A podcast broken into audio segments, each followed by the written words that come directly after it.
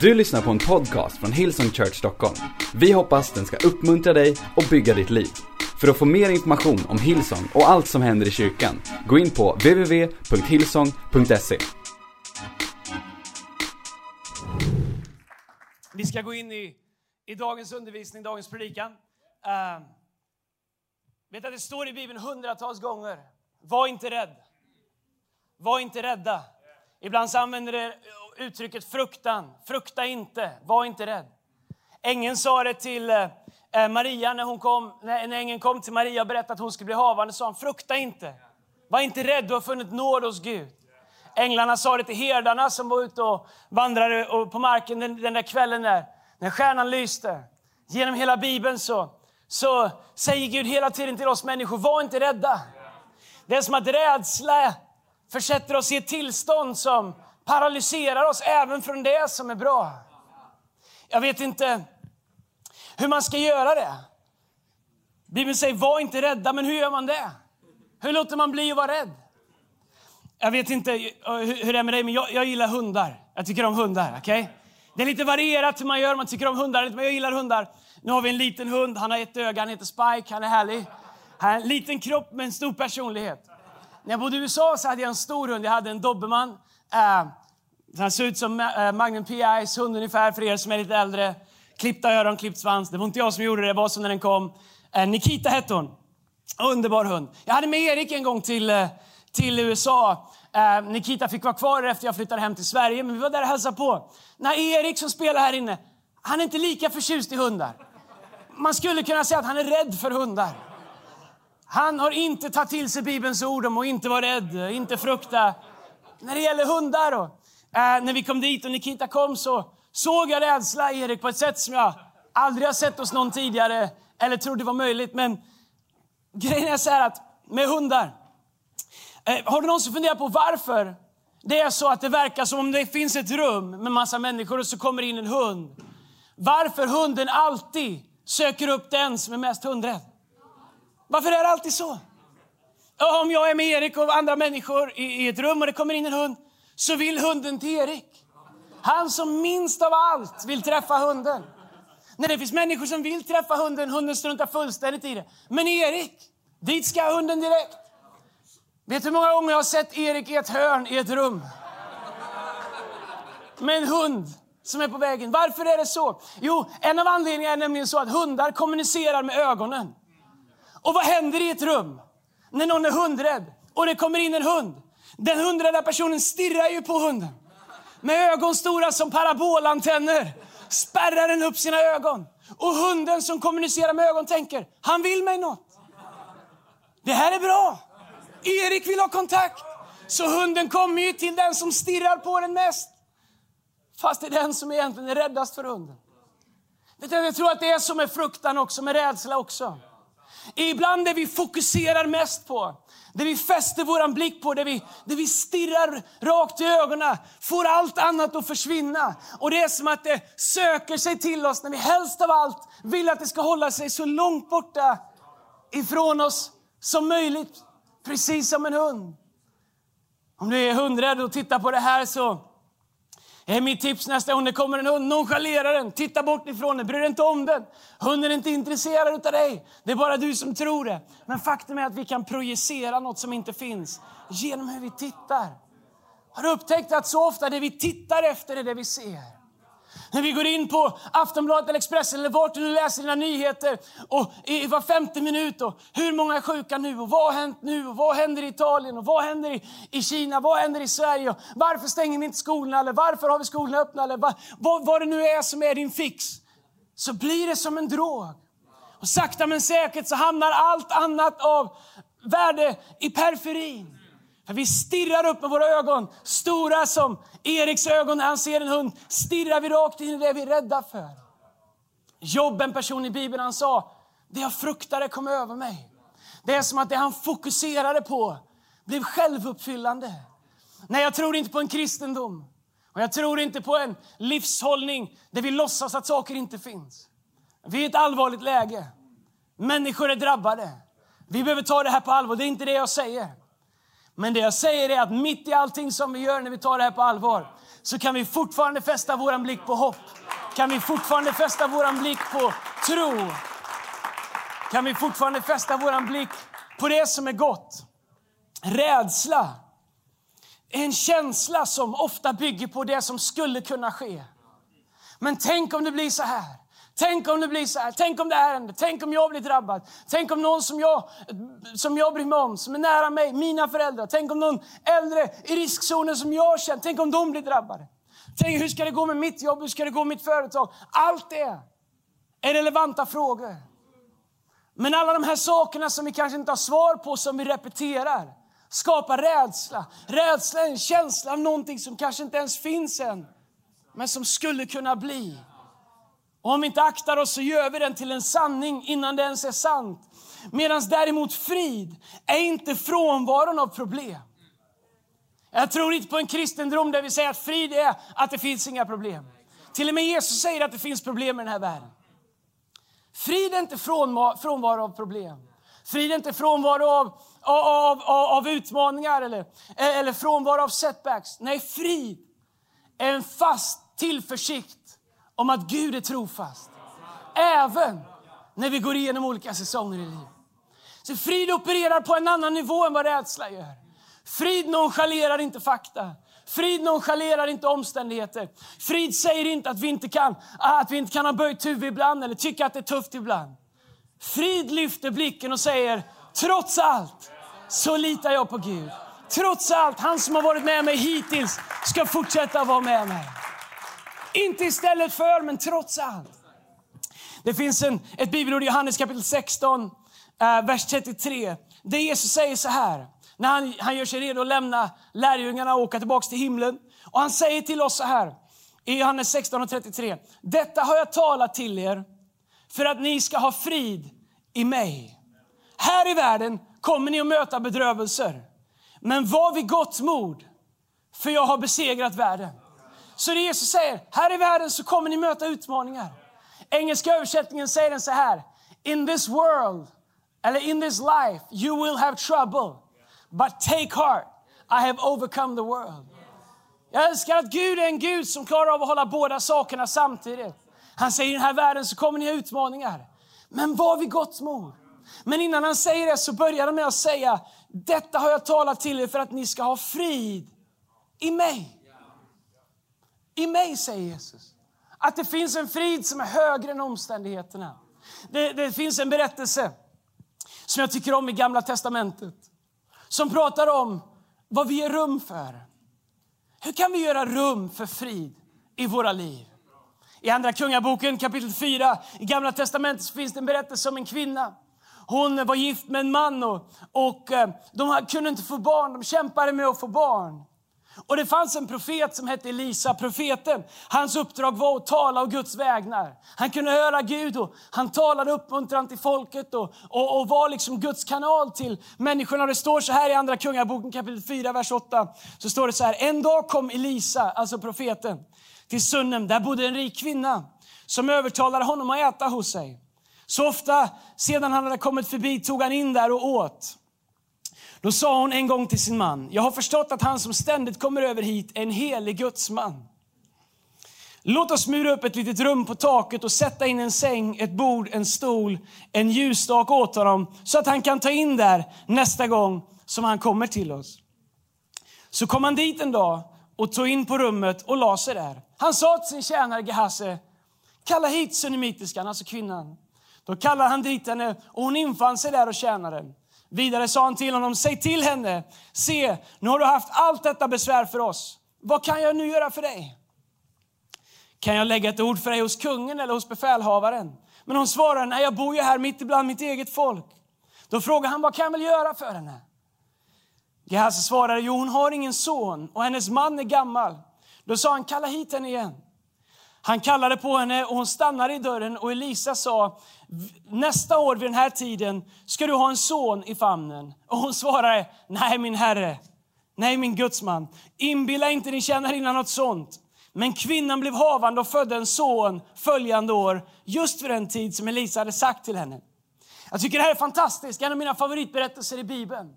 Där det pratar om är att det är en kvinna som har besök av Elisa. Elisa är en röst för hopp. Elisa är en röst för tro, för tröst, för frid, för allt det som Gud representerar. Och Han brukade stanna till och äta det. Och kvinnan tänker, hur skulle jag kunna få den här representationen för hopp? Den här representationen för tro, för frid, för trygghet och stanna längre hos mig. Så hon tänker, jag gör i ordning ett rum åt honom. Så kanske nästa gång han kommer, att han inte bara stannar på mat, utan att han faktiskt stannar kvar och bor här. Tack gode Gud att Gud inte är begränsad till en person längre. Utan att Gud bor i var och en av oss som tror på honom. Att han är överallt samtidigt, att vi inte behöver bygga fysiska rum för Gud längre. Utan att han faktiskt bor i våra hjärtan. Men vet du vad? Vi kan fortfarande, vi kan fortfarande göra i ordning rum för Gud i våra hjärtan. Min fråga är, finns det rum för frid i ditt liv? Finns det rum för tro i ditt liv? Eller har du låtit de där rummen ockuperas av all din rädsla, all din oro, allt det du läser om? Så jag är övertygad om att det finns så mycket som far genom våra huvuden som vi inte alltid kan kontrollera. Men vet du vad vi kan kontrollera? Vi kan bestämma vad som får ta in och stanna i våra liv. Kanske en del av oss skulle behöva ta solen eh, som, är, som, som i alla fall lyser här i Stockholm idag. Ta en bra cue från solen och faktiskt tänka att det är dags för lite vårstädning. Och städa ur våra inre rum. Kanske har du låtit de sista veckorna fylla dig med otro och med missmod och med negativitet. Och kanske är du drabbad. Kanske har du blivit permitterad. Kanske kämpar du med ditt företag och inga kunder kommer. Och jag säger inte att oron inte är verklig. Jag säger inte att utmaningen inte är på riktigt. Människor i kyrkan blir drabbade lika väl som människor som inte är i kyrkan. Det skär rakt igenom allting. Men om det drabbar alla oavsett vem du är och vart du är i mänskligheten så är det som att vi inte riktigt kan påverka det. Men vet du vad vi kan påverka? Inte alltid vad vi går igenom, men vi kan alltid påverka hur vi går igenom det vi går igenom. Min bön är att du skulle lyfta blicken som David säger när han är omgiven av utmaningar. När han säger, om jag tittar till vänster ser jag utmaning. Om jag ser till höger ser jag utmaning. Så han säger, jag lyfter min blick till bergen. Min hjälp kommer ifrån honom som har skapat himmel och jord. Han förnekar inte det han ser runt omkring sig. Han säger bara att det finns mer att se än det som syns. Jag kan inte lova dig att du inte kommer gå igenom någonting i livet, men jag kan lova dig att du aldrig behöver gå igenom det ensam om du gör rum för Gud. Psalm 23 säger Herren är min herde, mig ska inte fattas. Det betyder att han inte ska lämna dig. Bibeln säger att han inte ska lämna dig, inte överge dig. Han säger om du än vandrar genom dödsskuggans dag.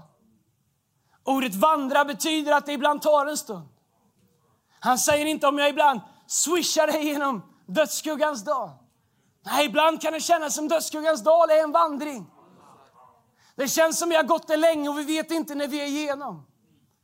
Men psalm 23 säger, om jag än vandrar i dödsskuggans dal så fruktar jag inget ont, för du är med mig. Så skillnaden är om han är med eller inte är med. Vi kan gå genom vad som helst om vi bara vet att Gud är med oss. Så min fråga är, finns det rum för Gud i ditt liv? Finns det rum för hopp? Kan jag säga Andreas, jag har inget hopp. Men finns det rum för hopp? Finns det rum för tro? Kanske skulle du som tittar på det här eller följer med det här, du skulle kanske behöva sluta göra så som Erik gör när han ser en hund. Han stirrar på en hund som tycker om honom. Som inte är arg på någon och som aldrig har bitit någon. Men i Eriks huvud så spelar scenario ut om vad som skulle kunna hända. Erik han har inte ens kött på kroppen att äta.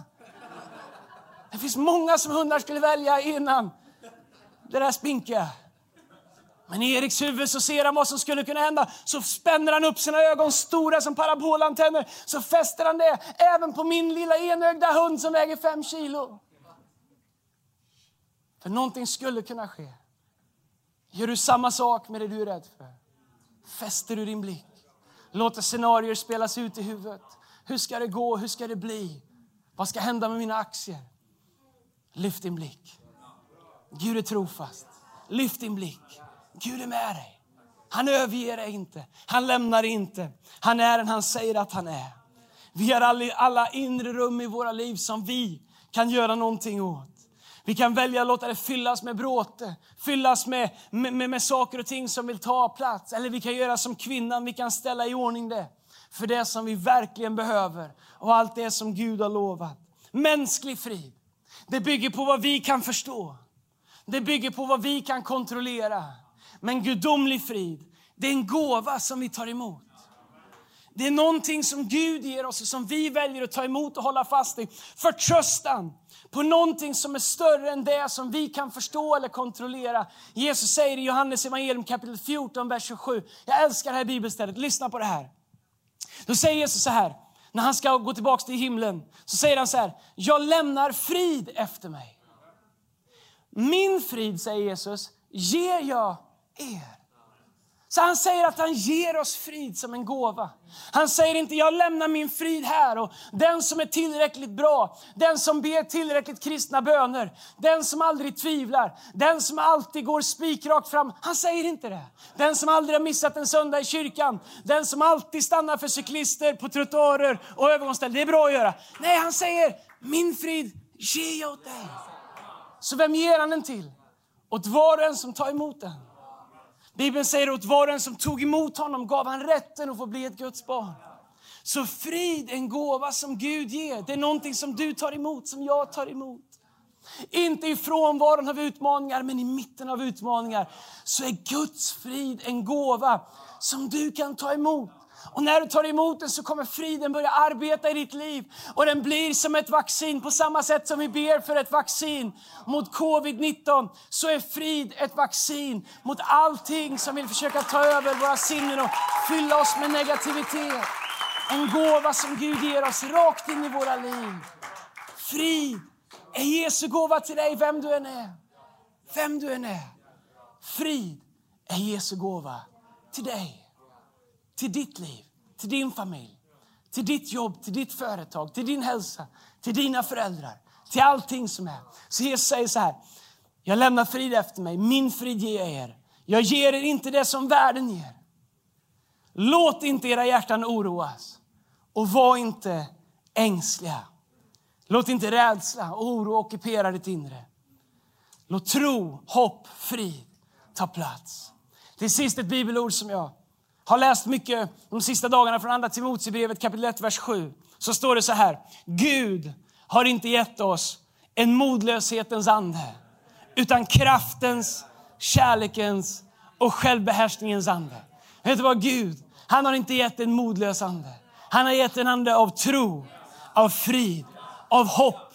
Det är Guds gåva till dig. Och det är min bön för alla oss som tittar på det här för alla oss som vill ta emot det här. Att vi skulle bestämma oss i tider som detta och vara bärare av frid. Bärare av ljus, bärare av hopp, bärare av tro. Var du än över, när du, kommer, äh, när du kommer in på jobbet, när du är på apoteket, när du går till din lokala restaurang. Supporta dem, köp lite mat. När du talar människor runt omkring. Vi nonchalerar inte fakta, vi låtsas inte att de inte finns. Vi lyssnar på alla råd och vi följer dem. Men vi lever i tro.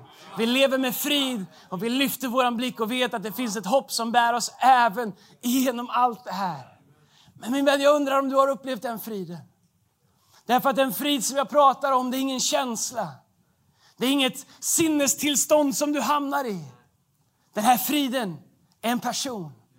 Han heter Jesus. Friden som finns och som kan finnas i våra liv är inte tillstånd som vi uppnår som något slags nirvana eller något som vi jobbar oss till. Nej, det är en person. Det är en relation. Det är en connection med Jesus, med Gud. Gud är frid. När Gud finns i ditt liv så finns frid i ditt liv. Hur får man den här friden? Hur kan man fyllas av det här hoppet? Ja, det är enkelt. Så enkelt så att många människor missar det. Det är så enkelt som att säga Gud, om det är du, om du finns, och om jag kan få en egen relation med dig, då vill jag lära känna dig. Då vill jag att du kommer in i mitt liv så att jag får en egen relation med dig.